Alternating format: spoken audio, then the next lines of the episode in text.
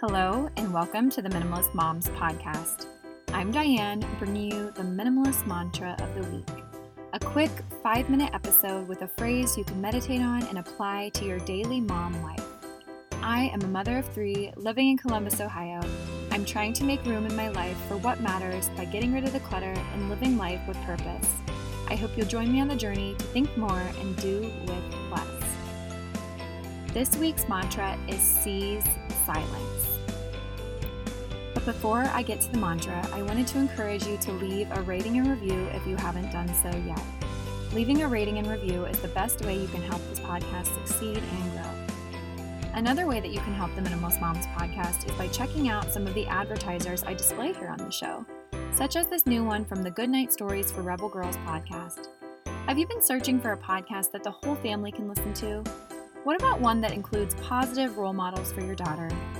Only 19% of children's books showcase women with jobs or career ambition, and by the age of six, many girls already believe that they are less smart than boys, which we all know isn't true. If you're looking for a podcast full of encouragement told from a woman first perspective, I have just the one for you.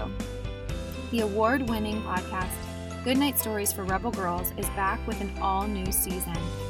This time you'll meet amazing immigrant women from all over the planet that have changed the world in so many ways, like Carmen Miranda, an acclaimed dancer and movie star from Brazil, or Noor Inayat Khan, a princess who became a spy. Because positive role models are critical to showing girls what's possible when they dream bigger, the Goodnight Stories for Rebel Girls podcast is a resource for parents and teachers to inspire, educate, and instill confidence in little rebels everywhere.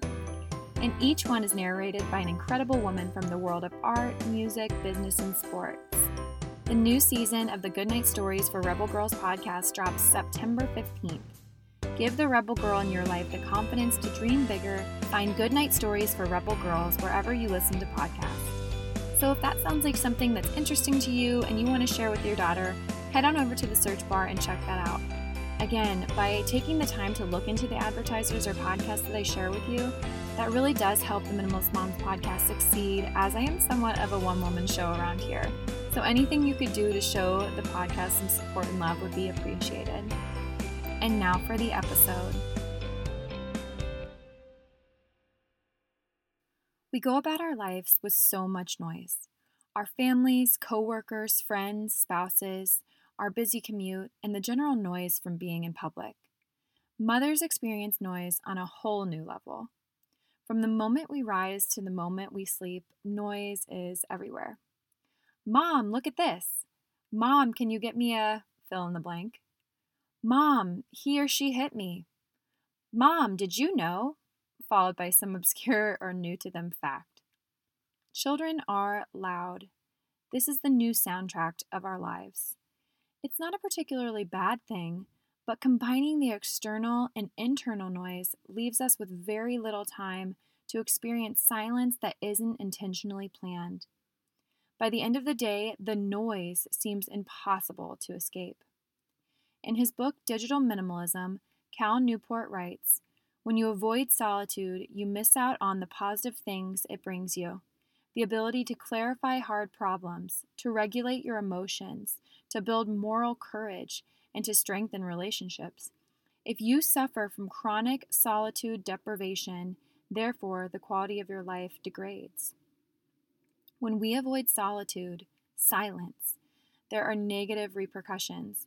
We're more irritable towards our children, lacking patience, and I've even experienced headaches from the noise overwhelm.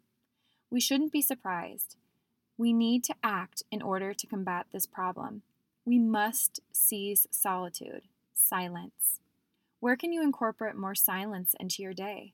I'm talking no music, no podcasts, no audiobooks silence. Maybe you'll find walking in silence is beneficial. Maybe it's sipping a cup of coffee or tea on your couch. Maybe it's making your commute a silent ride. I've struggled with doing this myself. I absolutely love to have a podcast going while I cook, wash the dishes, fold the laundry, drive. But see, there is no room for me to just be with my thoughts.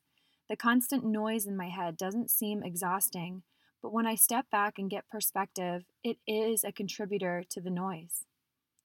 I decided to practice this before I encouraged you all to do so. I took my son to the doctor the other day, and as I sat in the waiting room, I didn't pick up my cell phone. I didn't read a magazine. I just sat in silence. It was difficult at first. The habit is to reach down and scroll on my phone. It feels odd to just sit, but I did it. I'd like to think that I'll have more opportunities for silence as my children grow older and I have more alone time. However, there will always be some kind of noise needing to silence. As for now, schedule in times of day for quiet. Ask family members to help pitch in throughout the week. Trade babysitting times with a neighbor. You'll both benefit. Look for specific times of day that the noise gets to you and resolve it. How often do you sit in silence? When we refresh ourselves in this way, it is so beneficial to our state, both emotionally and mentally. Seize silence. Let me know how you put this week's minimalist mantra into practice on Instagram or Facebook. You can find me at Minimalist Moms Podcast. If this week's mantra was particularly impactful to you or you think a friend would benefit from it, please pass it along. I've included a complete transcript of this podcast on the website, minimalistmomspodcast.com. And don't forget to leave a rating and review on iTunes. It helps the podcast reach others as they begin their own minimalist journey. I wish you a lovely week as you think more and do with